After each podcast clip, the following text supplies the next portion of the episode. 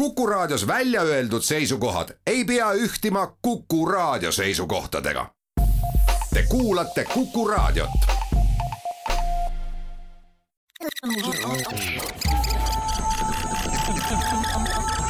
digitund, digitund, digitunni tulevikulahendused ja 5G toob sinuni Telia tere, head kuulajad, käes on kolmeteistkümnenda detsembri Digitund ja täna on teiega eetris siin Hans Lõugas ja Henrik Roonemaa ja me vaatame korraks siis tagasi, mis meile on viimasest nädalast tehnoloogia ja IT-uudistest silma ja kõrva jäänud ja mis tundub meile huvitav. ja me saate alguseks ei saa üle ega ümber ühest sellisest äh, jällegi mastaapsest turvapeast, mis tundus, et pea kõiki maailmas IT-teenuste pakkujaid puudutab ühel või teisel moel ja püüame korraks aru saada, et kui tõsine see on ja kas siis me ise ka midagi tegema peame. häid uudiseid tuleb Euroopa Liidust, mida isegi ei, ei osanud oodata, et me peaksime saates kajastama, aga noh, kajastame ikka.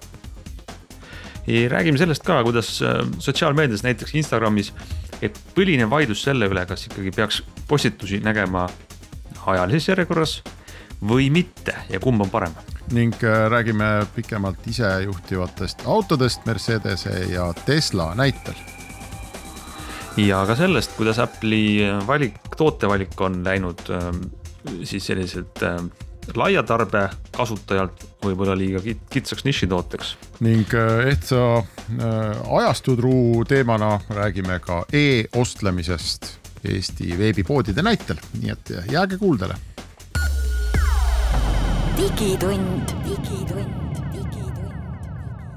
hakkame siis saatega peale, esimeseks teemaks äh, võtame äh, mainimiseks siis eelmise nädala reedel välja tulnud sellise uudisekese ühest äh, esmapilgul noh, täiesti obskuursest süsteemist, mida ega ükski tavaline inimene kindlasti polnud kunagi kuulnud.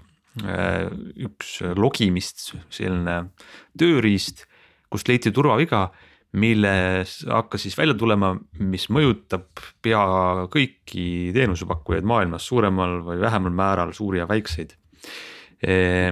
Log4j on siis see nii-öelda, võiks öelda tööriist või see vahend, kus see turvaviga oli. ja, ja see mõjud, kelle süsteemid olid siis haavatavad, noh mõelge interneti kõige suuremate nimede peale ja sealt on juba väga selge pilt, et olid seal, hakkame A, A-tähest peale, eks Apple ja Amazon ja. ja, ja Tesla ja kes seal veel on, Eesti e-riigis äh, käis, hakkas kibe lappimine peale, kus leida need kohad üles või mitte. et äh, tundub jälle esmapilgul äh, selline laia haardega täiesti ootamatu asi, mida veel ütleme neljapäeval keegi ei osanud oodata ja reedel siis äh, turvalisuse eest vastutavad inimesed said aru, et nädalavahetus on tuugas, et, äh, et midagi ei ole teha, vaja hakata turvaauku parandama. ma tea, seda on nimetatud mingi viimaste vaata et aastakümnete suuremaks probleemiks üldse turva, turvaprobleemiks ja arvestades, kui tihti meil neid turvaprobleeme on ja, ja need ei ole tavaliselt üldse väiksed siis äh, selline nimetus tundub päris aukartust äratav. kas sina oskaks lahti seletada, mis, millega siis nagu tegu on või mis, miks see nii hirmus asi on? jah, see on lühidalt öeldes eh, seotud logimisega ehk see noh, mis tähendab logimine, seda ei peaks isegi tehnilist tausta vaja, see on nagu jälg jääb maha kõigest, mida üks IT-süsteem teeb.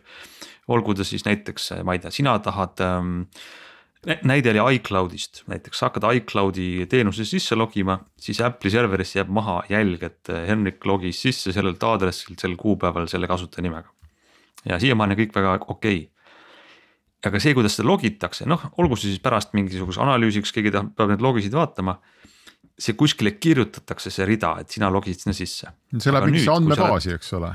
no just, või ja. siis kuskile andmehoidlasse aga kui sa nüüd, probleem oli siis selles nüüd, et, et sinna ritta, mis sinna andmehoidlasse läks, võis kirjutada pahatahtliku asja, mis käivitas selles serveris mingi muu koodi. et sa mitte ei pane kasutaja sisse logimiseks oma kasutaja nime, vaid paned selle, selle kavala koodi, mis logitakse justkui tavalise kirjana, aga tegelikult sa võid käivitada siis selles serveris, mis asub kuskil äpi süsteemide sügavikus eh, oma, oma koodi. ehk siis igast sinu jäljest peab ju kuskile jääma, sinu sammust peab maha jääma jälg, aga sa mitte ei jäta tavalist jälge, vaid sa hoopis jätad maha siis selle pahatahtliku koodi ja, ja näha oli seda näiteks Amazoni eh, e-poe otsingukasti. mitte sa ei pane otsingukasti, ma ei tea, tahad osta susse, vaid sa paned selle koodi, et sa soovid käivitada Amazoni logimishoidlas siis oma, oma koodi. ja sul on põhimõtteliselt võimalik seda teha. Ehk siis see logimine on noh, selline ülim universaalne standardne viis, kuidas jätta maha jälg, et mis meie arvutisüsteemidega hetkel toimub ja seda võis siis ära kasutada selleks, et, et kes iganes seda Java programmeerimiskeeles tehtud rakendustes, mis on üks levinumaid, on ju internetis, kes, kes seda logimist kasutas, siis see oligi haavatav. ja, ja mis teeb selle kõige selliseks kurioosseks, on see, et noh, me räägime, on ju suurkorporatsioonidest ja riikidest, kes panevad noh miljardeid sellesse turvalisusse ja kõigesse. aga siis kogu selle suure masinavärgi taga on üks väike pisike tööriist nagu see Log4j, mis on siis Java rakenduste logimisvahend. mida on keegi vabavarana, üks mees oma vabast ajast või paar inimest arendanud, toetanud, sest see võiks olla kasulik. ja selline tasuta vabavaraline asi mida siis, ma saan aru, et seda, et asja ilu on selles, et miks see kõiki neid suuri maailmafirmasid haaras või, või ja. valdas see probleem, on see, et seda vabavaralist pisikest juppi mida nime järgi vist üks Türgi mees on või tema lõi selle kunagi. Ehm, et, et kõik need suurfirmad kasutavad neid vabavaralisi klotse, kaasa arvatud siis seda logimisklotsi ja, ja ehitavad selle. ja klotsi peal seisab nagu just kogu see turvalisus yeah,. no mitte kogu, aga noh, ütleme, et osa sellest kindlasti, et ta on, eks ole, üks, üks kivike seal müüris ja nüüd, kui see kivikeses on auk Äh, siis, äh, siis, siis on kõigil see auk, siis ongi Apple'il ja Amazonil ja, ja no üldse praktiliselt kõigil, sest ma saan aru, et pool maailma kasutas seda täiesti rahumeelselt. ja siiamaani kasutab ja see on, ütleme nii, et see on selline asi, mida kasutaja, meie siis nii-öelda tarbija poole pealt, äh, me ei saa midagi teha, on ju, see ei puuduta meid. me ei saa turvalisemalt käituda internetis, et see teenusepakkuja peab seda parandama. ja ilmselt on see nüüd noh reedel, eks avastati küll siis, leiti paigad sellele konkreetsele tööriistale, aga siis iga üksik IT-süsteem, kus seda kasutatakse mm, -hmm. peab ennast ka uuendama. või seda peavad siis haldajad uuendama.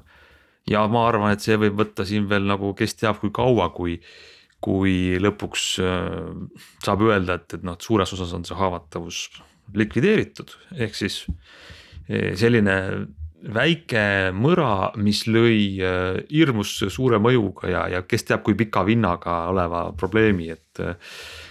et tuleb ainult loota, et mm, ükski kurikael ei jõua siis kõige parem, tähtsamate andmeteni seda viga kasutades ära, enne kui see on paigatud erinevates süsteemides. ja see kahjuks näitab ka seda, milline koorem on äh, ikkagi sul äh, igal asutusel kaelas iga infosüsteem, mida sa otsustad teha. Äh, noh, GDPR juba näitas seda minu meelest natukene andmebaasidega, kus, kus asutused hakkasid ikkagi mõtlema kategoorias, et äkki me saame ilma mingite andmete kogumiseta hakkama, mitte et noh, vanasti oli see suhtumine, et kogume igaks juhuks mida iganes ja küll me siis vaatame, mis meil vaja läheb et GDPR natukene pööras selle teistpidi ja, ja mulle tundub, et kõik need suured turvaaugud on ka täpselt samasugused asjad, et sa võisid tellida kunagi kuskilt mingisuguse teenuse äh,.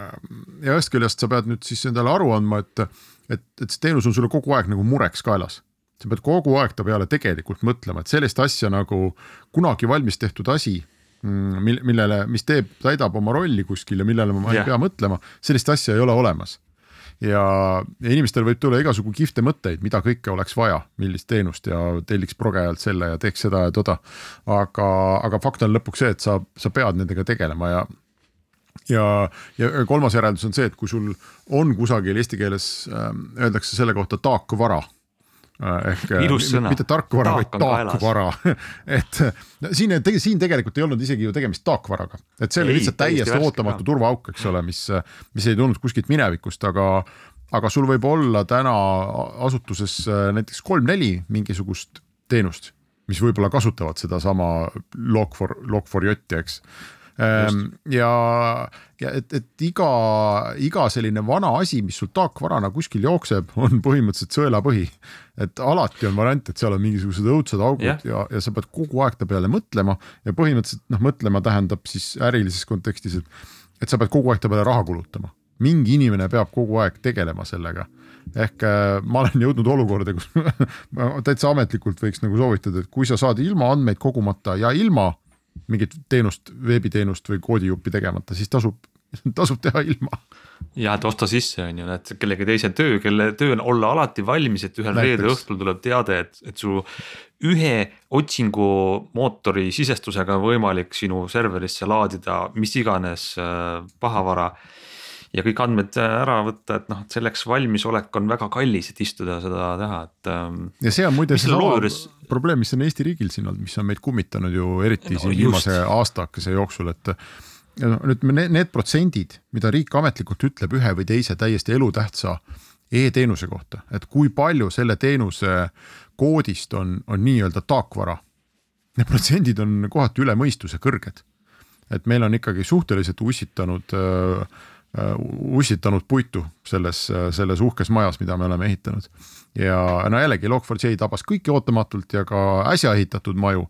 aga mida vanem süsteem on, seda suurem on tõenäosus, et seal igasugu jama leidub no ja sellega on veel see ka, et, et kuna Log4j on, on nii noh kasutusel ja see Java on nii levinud, siis on, tulevad asjad kiiresti välja aga nii-öelda selles taakvaras, mis sa räägid, on tihti ka asjad võivad olla seal väga ussitanud ja auklikud ja lihtsalt sellest veel ei teata, on ju, ja, see info ei ole levinud, mis, mis ei tee seda üldsegi paremaks, sest kui sa ei tea, siis sa ei saa parandada nii et, et see on nagu keeruline. ja ma ei tea, kui palju, ma oleks tahtnud jällegi, ma saan öelda nende suurte turvaaukude puhul, et ma oleks tahtnud näha palju rohkem ähm, kommunikatsiooni Eestis selle koha pealt.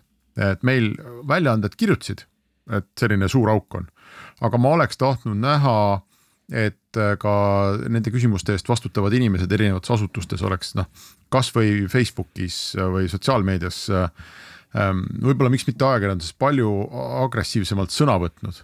Ja, ja minu pärast oleks võinud kasvõi tulla keegi välja ja öelda, et mul on äh, kolmkümmend serverit vaja paigata viie minuti jooksul või mis iganes sellist, et et, et näidata ikkagi avalikkuses, et, et need on asjad, millega on vaja tegeleda ja, ja võtta natukene ära seda arusaama Eesti ka inimestelt, et me oleme siin miskipärast immuunsed. et meiega ei juhtu või meid see, et kuskil Ameerikas on mingi auk, et meid see nagu ei puuduta. ma arvan, peaks olema suhteliselt, suhteliselt rohkem mures ja seda tuleks nõuda meil ka avalikust sektorist, nagu meie selle teenuse omanike, kodanikena seda peaks olema nagu loomulik, et me seda nõuame, et sest mõned erafirmad Eestis juba seda ka mainisid ja nagu blogisid ja postitasid kuskil nädala lõpus, aga. aga täpselt, see peaks olema nagu loomulik osa loomulik osa sellisest avatusest. ja oleks võinud mõni pressiteade. kui ei tehta ja oleks võinud tulla mõni pressiteade, eks, et meie asutus või meie firma, mis iganes, eks on noh, spetsialistid töötasid ööd ja päevad läbi ja me saame täna öelda et, et, et sada protsenti meie serveritest on turvatud, eks. et, et seda, ka selline kommunikatsioon tuleks väga kasuks, mulle tundub Eesti ühiskonnas. Kui, kui see on sada protsenti, kui saab öelda. Seda ükski, vot see on see, et ükski turvainimene kunagi ei julge öelda välja sõna sada protsenti. aga, aga meie lähme sada protsenti siit väiksele pausile digitund.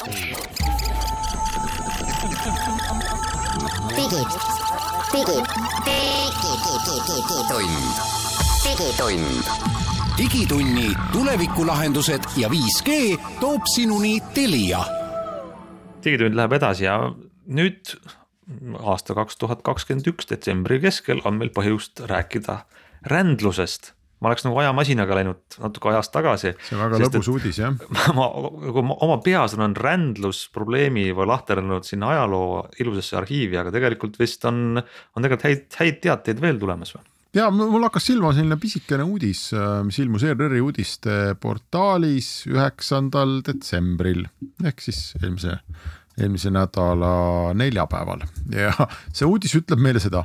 Euroopa Liidu mobiiliomanikud saavad kasutada tasuta rändlusteenust helistamiseks ja internetis surfamiseks kahe tuhande kolmekümne teise aastani.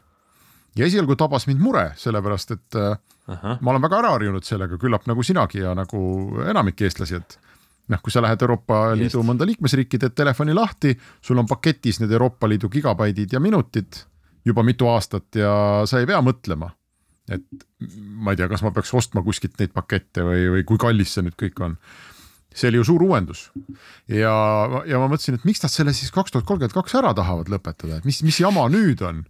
aga Mis siis selgus, siis selgus, et, et see süsteem, kui see kehtestati kaks tuhat seitseteist, siis ta algselt pandigi kehtima viieks aastaks. ehk kaks tuhat kakskümmend kaks, mis meil nüüd kohe algab, see oleks läbi saanud.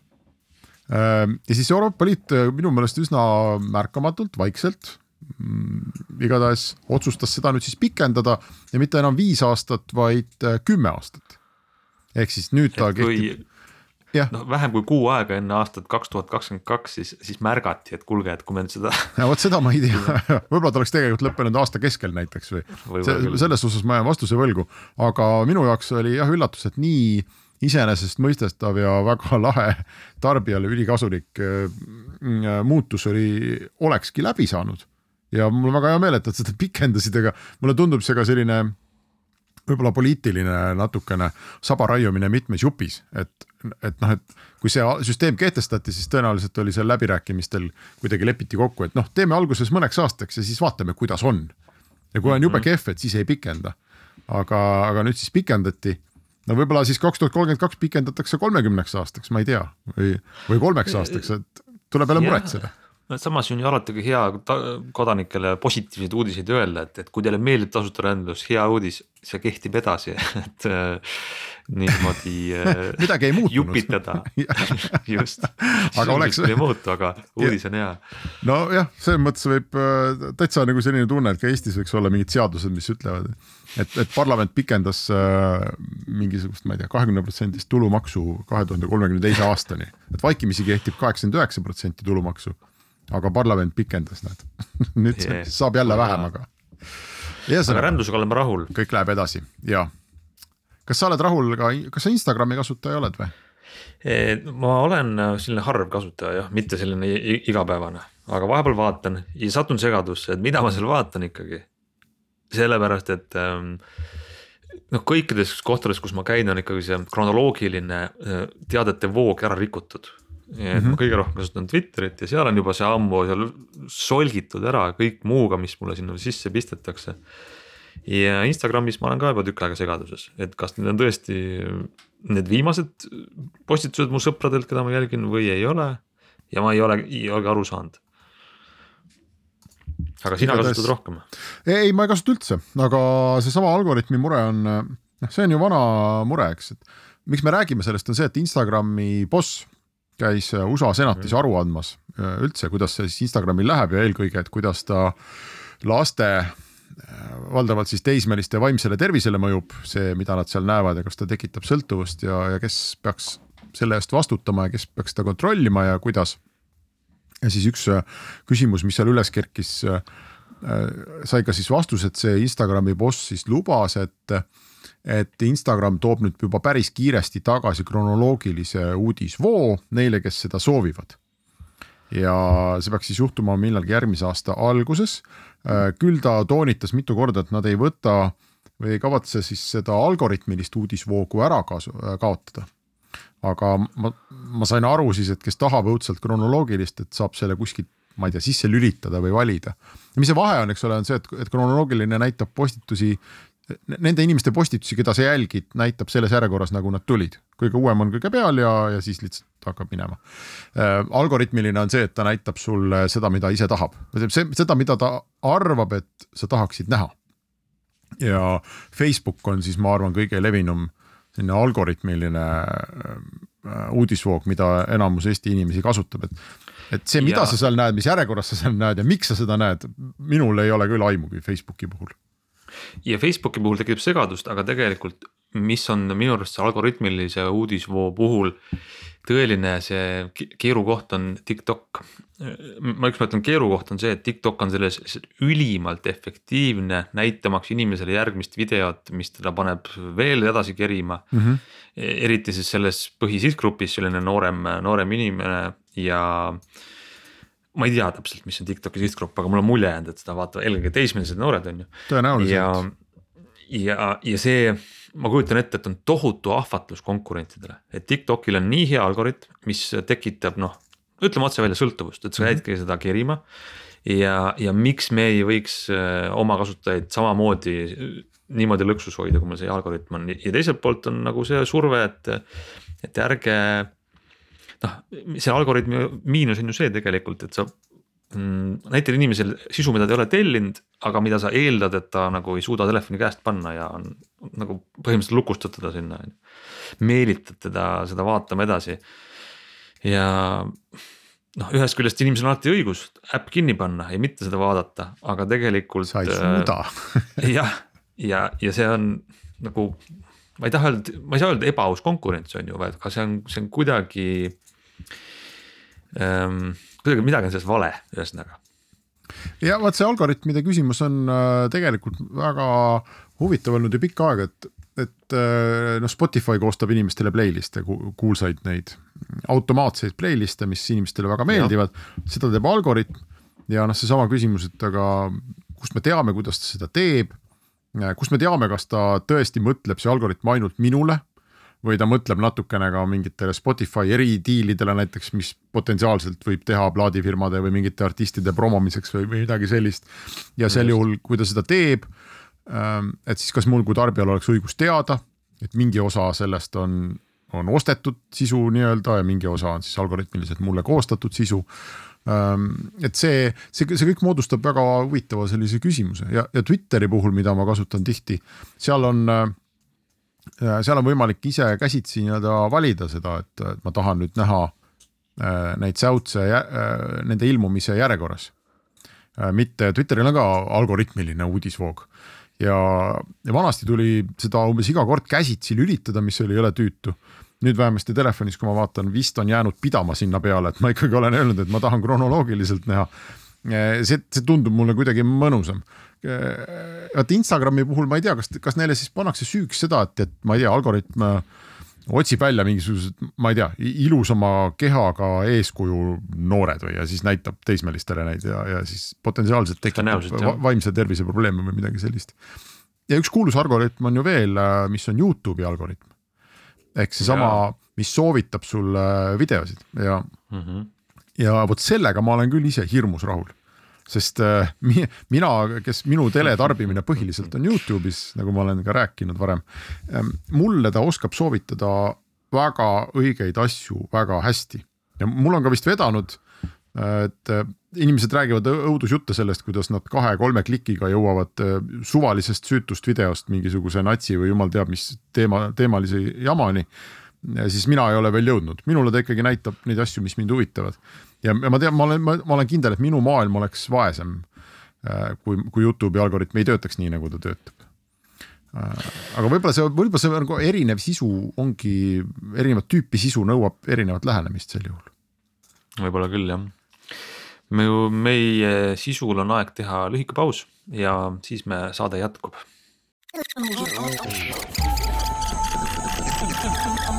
digitund. digitund. digitunni tulevikulahendused ja 5G toob sinuni Telia digitund läheb edasi ja räägime natuke hoopis autodest ja sõidukitest ja sellest, et autod sõidavad ja inimesed ei peaks sõitma, et isejuhtivusega on tehtud siin tööd juba aastaid. eelmisel nädalal oli selline uudis, mm, et nüüd äh, Mercedes-Benz, vana hea saksa äh, premium mark sai esimeseks maailma autotootjaks, kes sai siis ähm, ametkondliku loa selliseks isejuhtivustehnoloogiaks, mis lubab sul mitte teele vaadata. ja see on väga suur asi ja see juhtus Euroopa Liidus ja sakslased andsid selle oma, oma teedel Mercedes-Benzile ja see on nagu mitmes mõttes selline hästi suur sündmus. mille võib-olla otsene mõju juhtimisel ei olegi väga suur kohe ja ma seletan natuke lahti, mis see siis tähendab, mida Mercedes-Benzil lubatakse teha. Äh, et on päris palju selliseid äh, äh, madalama taseme automaatjuhtimisega süsteeme, kus sa põhimõtteliselt ei tohi tähelepanu kaotada, ei tohi ära võtta silmi tee pealt, võib-olla võid korraks käed ära võtta, aga siis auto peab märku andma, et käed tagasi roolile need on siis level kaks isejuhtivusega, siis see Mercedes-Benzile antud luba on siis ühe kõrgema taseme ehk siis level kolm taseme isejuhtivus. kus äh, auto lubab inimesel mitte vaadata ette, see on sisemine siis tehnoloogiad, mis jälgivad, kus su tähelepanu on. kui sa ei vaata teele, siis ei anta häiret. ja sellest edasi on veel ainult level neli ja viis, mis on siis noh. tänapäeva mõttes ulme on ju, et seda veel ei ole. et see kõlab nagu, nagu, me oleme kõik oleme rääkinud Teslast, isejuhtivusest ja kuidas siis järsku Mercedes-Benz seda tegi. ja seal tulevadki väiksed agad, et see Mercedes-Benzi luba, mis on äh, selline, see kehtib ikkagi siis väga kitsalt äh, sellistel teedel, mis on ülitäpselt ära kaardistatud, kiirteed, geotarastatud, et kui sõidad mingi muu tee peale, siis see enam ei kehti. ja väike aga kehtib kuni kuuskümmend kilomeetrit tunnis okay,. ehk kas... siis Saksa kiirteed. Ma, ma ei saanud mul jooksis praegu ühe kokku natukene, et, et ma võin sõita niimoodi vahtides kõrvale või, või telefoni brausides äh, kuni kuuskümmend kilomeetrit tunnis. jah, Saksa kiirteedel, just kas mulle tehakse mingi eraldi rida selle jaoks või? see on ju ohtlik. ei, see on äh, ohtlik on aeglaselt sõita jah, aga no mõtle hommikuse tipptunni peale, see autobaan on umbes mm. ja siis sa ei pea vaatama ette. et see ongi noh, kõlab tohutu suure läbimurdena, mida Mercedes nüüd sai, aga tegelikult see on väga kitsad tingimused, et normaalsed autobaani kiirustel sa, te muidugi ei tööta, sa pead sõitma ise. aga kui siis noh, alla kuuekümne kilomeetri mis on tegelikult ka linnakiirus, on ju mm. -hmm. aga sellel linnakiirusel seal kiirteel, mis on selle Mercedese poolt siis noh, nii ülitäpselt ära kaardistatud iga sentimeeter. et seal sa võid rääkida teise inimesega juttu autos, lugeda lehte, vaadata telefoni ja, ja auto ei nõua, et kuule nüüd äh, tähelepanu tee peale. käed ei pea siis enam rooli peal olema või? käed ei pea ka olema jah, ja, ja, öeldakse, et noh, et see on üks kitsas äh, regulatsioon, aga, aga see võib olla nagu märgiline selles mõttes, et esiteks ta tuli Euroopa Liidust, kus on üsna ranged nõuded esimesena. ja see, kui sakslased lubavad Mercedeselt seda teha Saksamaal, küll siis järgnevad ka teised äh, piirkonnad maailmas, kes võiksid seda lubada, et, äh, et noh, ta ikkagi on väga kitsas ja ta ei ole, on kaugel on sellest, et sa võid istuda autosse ja leiad ennast sihtkohast mm. -hmm. aga, aga et siis jõuad natukene saad lõõgastuda ummikus olles ja see on väga huvitav, et, äh, et see tuli siis Euroopa Liidus, aga tegelikult ainult Saksamaal, eks, et, et Eestis, Eestis ei on teatud teed, eks. ja kas ma saan õigesti aru, et see kuuskümmend kilomeetrit tunnis, et need ikkagi ongi kiirteed, et linna vahel ja. ei või? Praegu on see küll, mis nüüd teade tuli, et, et see kehtib ikkagi siis väga kindlatele, kuna kiirteel näiteks ei ole ka kokkupuudet vastassõidusuunaga, et noh, sa ei saa isegi kõige hullema õnnetuse korral sa ei saa sõita vastassuuna autodele pihta, on ju. et kuna kõik on, inimesed ei jookse tee peale ette, loomad ei jookse tee peale ette, et kiirtee on sellist liiki tee, mis on nagu hästi ära turvatud, on ju. ja seal ka sa ei sõida mitte siis kiiresti, vaid aeglaselt. et ta mõnes mõttes on ta nagu väga väike sammuke. aga võib-olla järgnevad sellele siis järgmised sammud ja me tegelikult võime põigata üle ookeani Ameerikasse, kas noh, sina, sina tõid siin praegu väga suure läbimurdena välja, et Euroopa Liit. ehk siis mitte tegelikult isegi Euroopa Liit, vaid Saksamaa lubab ühel oma autofirmal teatud väga kitsastes tingimustes äh, sõita ise. Äh, siis, siis USA-s lööb laineid see Delfa, Tesla full self driving ehk siis täiesti isejuhtiv auto, mis on põhimõtteliselt selline ma ei tea, kas nüüd päris testifaasis olev tarkvara on korrektne öelda, aga noh, ütleme vägagi arendusjärgus tarkvara, mis on aga mingitele autodele lihtsalt peale pandud ja, ja nad sõidavad seal ringi. Ehm, ja, ja noh, internet on täis meeleolukaid klippe sellest, kuidas see täiesti isejuhtiv auto, üks vist pööras, ta oli, ma ei mäleta, alla kolme minuti jooksul tegi kolm väga huvitavat otsust ja üks nendest oli see, et ta pööras kuhugi raudteele ja hakkas, proovis mööda raudteed sõita. Ja et... siis tuli üks jalakäija, kellel tahtis, sõitis põhimõtteliselt nina eest läbi. Ja, ja siis, ja siis vahepeal põikas vastassuunavööndisse see Tesla ja hakkas karjuma, et palun võta roolist kinni, inimene võttis roolist kinni. Ja siis ikka piiksus edasi, võta roolist kinni, võta roolist kinni. et noh, et, et ameeriklased ikkagi lähenevad sellele väga kauboi moodi, mulle tundub. Ise, isejuhtimise küsimusele. ja, ja, ja et, et asi veelgi lõbusam oleks, ma ei tea, kas lõbusam on õige sõna, siis äh, kõvasti lõi Ameerikas siin vist oli möödunud nädalal laineid ka see, et, et Tesla äh, autos äh,, juht, sõitvas autos saab samal ajal selle suure ekraani peal, mis seal konsoolis on, saab mängida mänge, kasvõi juht. Äh, seal on mingisugused videomängukesed, ma, ma, mul ei ole Teslat olnud, aga, aga mingid noh, sellised üsna lihtsad videomängukesed. Ja, ja suur häda oli nüüd siis see, et, et saab mängida äh, sõitvas autos mis igasuguse maantee turvalisuse või liiklusturvalisuse koha pealt on ju noh, täiesti mõeldamatu õudus. Äh, aga kuna USA seadused sellist asja ei keela, siis äh, Tesla, Teslal pole ka mitte mingit kavatsust, nagu ma aru saan, seda asja, seda asja nagu seisma panna, vaid see tundub no. kõigile, see tundub jõle lahe osa nagu turundusest ja samal ajal oli Mercedesel, Mercedesel, me räägime ja, ja just sel samal Mercedesel, kellele Saksamaal anti siis see ettevaatlikult veeremise luba. Neil oli USA-s äh, sarnane olukord, kus nagu ma aru saan, see vist pigem oli tegemist tarkvara probleemiga või sellise tar väikse tarkvara veaga, et ka Mercedese autodes sai mängida mänge sõitvas autos ja Mercedes kutsus autot tagasi, tegi tarkvara uuenduse ehm, ja, ja noh, pani selle pulli ikkagi kohe kinni aga kauboid Teslast arvavad, et, et nende isesõitav, mööda raudteed sõitev auto on, on, on absoluutselt turvaline selleks, et inimesed võiksid äh, mängida. väga no, erinevad on... lähenemised, ütleme nii. no ilmselt see on nagu ettevõtete juhtimisest ka ikkagi teine arusaam, ma lugesin jah, et see on passiantsi näiteks sai seal laduda, on ju, sel ajal, kui sa auto sõidab, laod kaarte.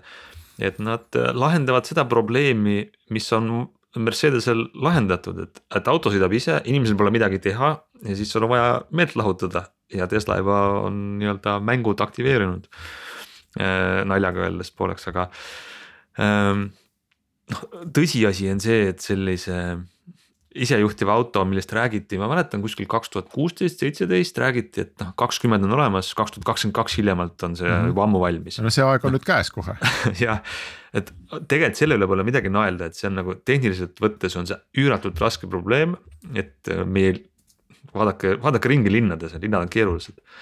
aga, aga mitte, mitte tehnoloogiliselt, vaid siis äriline pool, et kuidas sa seda asja müüd, turundad, reklaamid, lubad, äh, väidad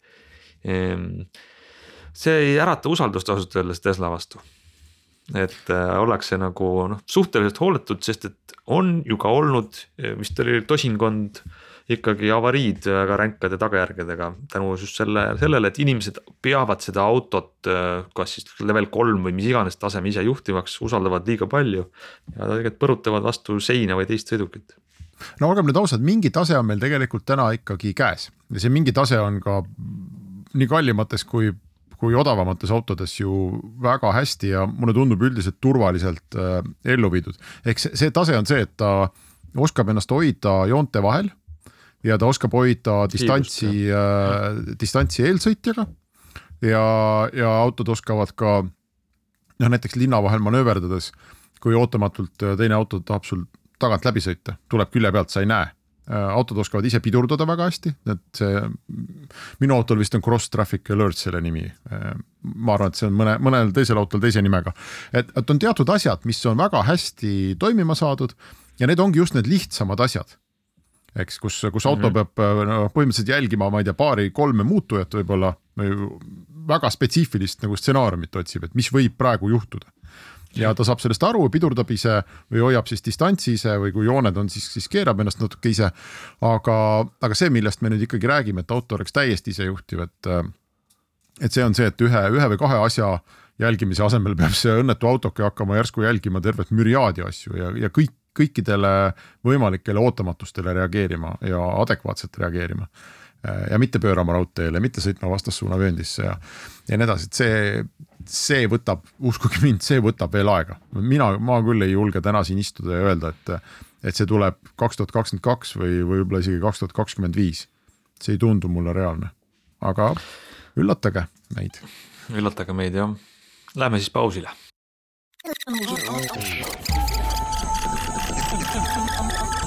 digid, digid, digitund, digitund digitunni tulevikulahendused ja 5G toob sinuni Telia.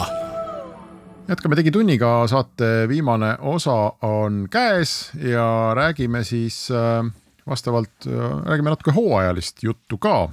mina tegin millalgi otsuse, et kui on vaja midagi osta lähemate nädalate jooksul, siis äh, vaadates, mis toimub kaubanduskeskuste parklates, mina sinna ei taha minna sinna, sinna parkima, sinna poodidesse, et ma katsun ikkagi kõik e-kaudu ära korraldada endale, tuleb pakiautomaati. mul elukohajärgne on siin Balti jaama turu äh, Smartpost seal on juba minu meelest nädal, kui mitte rohkem, on see traditsiooniline kastimajandus. ma ei tea, kas sina oled kuskil näinud mm, -hmm. et on Just. suured sinised plastmasskastid täidavad veel lisaks siis seda äh,, seda ooteala seal ja seal on inimesed, kes siis annavad sulle pakke kätte, kui sinu oma parasjagu masinasse ei mahu. aga siiamaani ma pean ütlema, et kõik on vähemasti toiminud, et asjad laekuvad. Eestist, Eesti e-poodidest ma, ma olen, tead, see on väga huvitav küsimus äh,. vormiliselt on nad justkui Eesti e-poed äh,. aga mulle tundub, et, äh, et kogu Eesti e-kaubandus on, ma ei tea, ühe, ühe või kahe, kas leeduka või lätlase käes. et need, äh, need poed, kust mina olen tellinud, on erinevate nimedega, erinevad veebisaidid, müüvad erinevaid asju aga mingil hetkel sul hakkab seal poes toimetades ja näiteks makseprotsessis tunduma, et see on vist sama värk et, et on, et on ehitatud äh, väga erinevad kauplused mingisuguste samade mootorite peale ja siis, kui ma vaatan seda OÜ-d, kellele makse läheb, siis see on ka sama. et, äh, et ma enam ei oska öelda, et palju Eestis on nagu päris e-poode ja palju nendest on lihtsalt üksteise koopiad.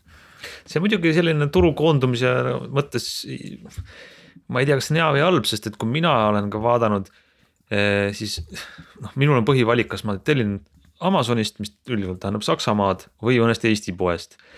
ja ma nagu pendeldan selle vahelt ise ka ei tea, miks, alati kui ma Amazonist tellin, siis on äh, valik on hea, hind on hea, jõuab kiiresti kohale ja kõik on väga tore.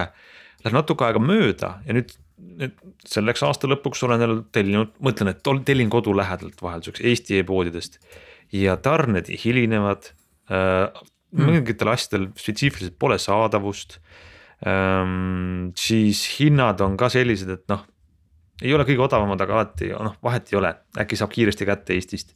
tegelikult nagu ei saa, siis ma alati mõtlen, et miks ma ei tellinud Amazonist pärast seda, kui ma jälle ootan mm. -hmm. ja kas ma teen Eesti poodidele nüüd liiga, kui ma lähekski ainult Amazonist ostma, siis nad sureks välja jälle, kui kõik niimoodi teeksid.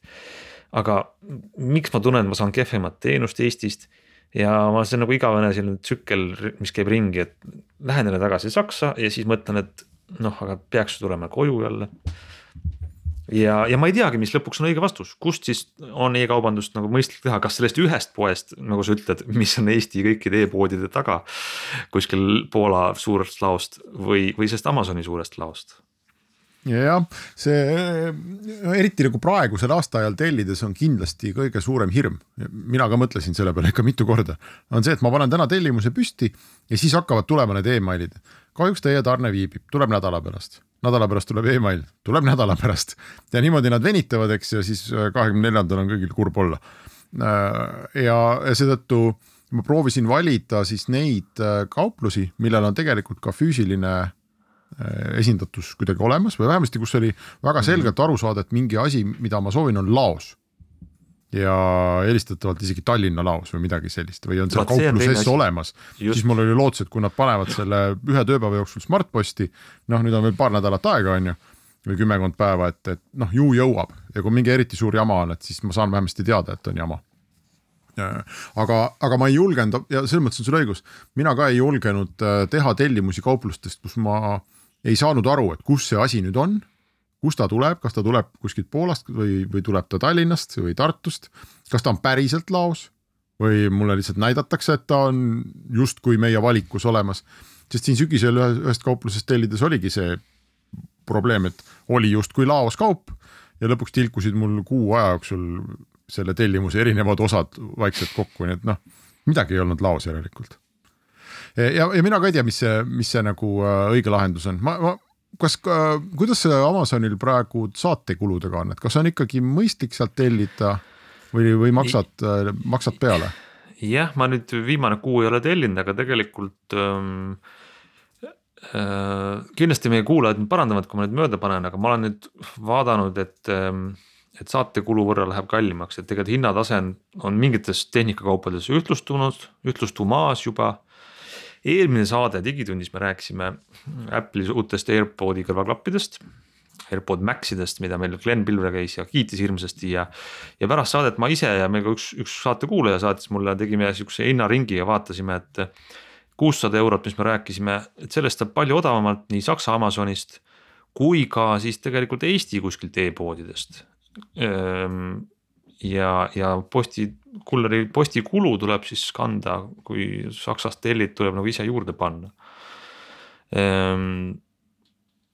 ehk siis, mis mu jutu kokkuvõte on see, et tegelikult ähm, mul on tunne, et paljudel kaupadel on niimoodi, et see hind on Eestis ja Saksas sama, aga Saksas sa pead peale maksma selle postitasu.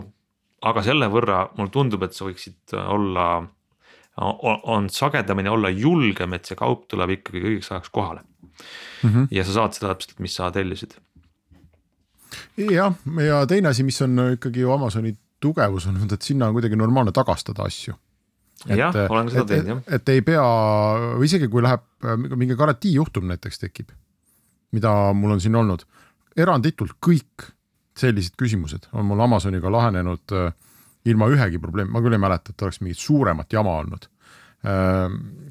saadad kauba tagasi, raha kantakse üle keegi ei küsi mitte midagi, keegi ei tule vinguma ja ütlema, et see pakend on ju lahti tehtud et, äh, et väga mõnus on just selle poole pealt ja, ja, ja Eesti äh, kauplustega mul on olnud seda küsimust, et siis hakkab see mingi raiumine peale, et mis ikka seaduses täpselt kirjas on, kuidas ikka täpselt peab olema, kas saab tagasi võtta asja või.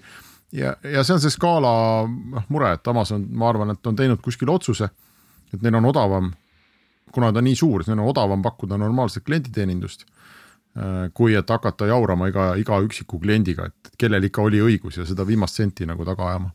ja kui sa oled väike, siis sa noh, lihtsalt ei saa seda endale lubada, kuigi mulle tundub, et need et, et see väiksuse mure ikkagi paljudel Eesti nii-öelda Eesti e-poodidel on, on kadunud, et kui nad on ikkagi ülebaltilised, suured, täpselt samasugused poed, siis, siis nad ei ole midagi nii väiksed, ma arvan, nad on tegelikult nüüd juba, paljud neist on päris suured jah, need, see koondumine on tõesti näha jah, et on selliseid äh, mitu e-poodi, mis tegelikult on kuskil Baltikumis on peakorter. samas jällegi mõne väiksema Eesti poega on see mure, et ähm, kuidas ma ütlen. jällegi tahaks seda väikest e-poodi toetada, sest nad teevad head kaupa, mis on võib-olla nišipood, aga tellimuse vormistamine, väljasaatmine on isegi võtnud aega, mis on nagu.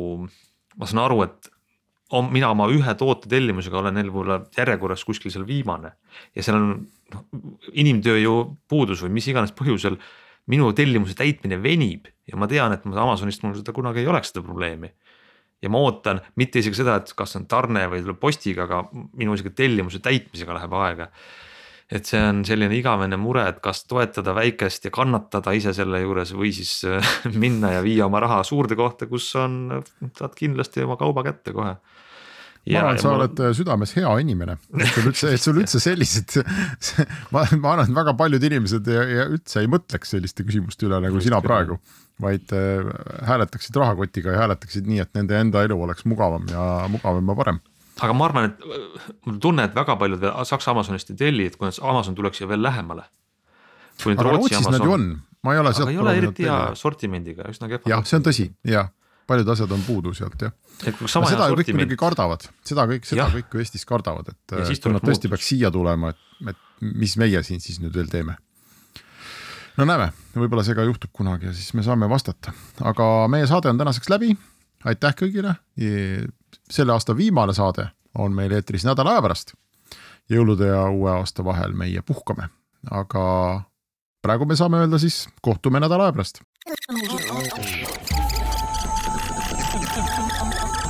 digi, digi, digitund, digitund. digitunni tulevikulahendused ja 5G toob sinuni Telia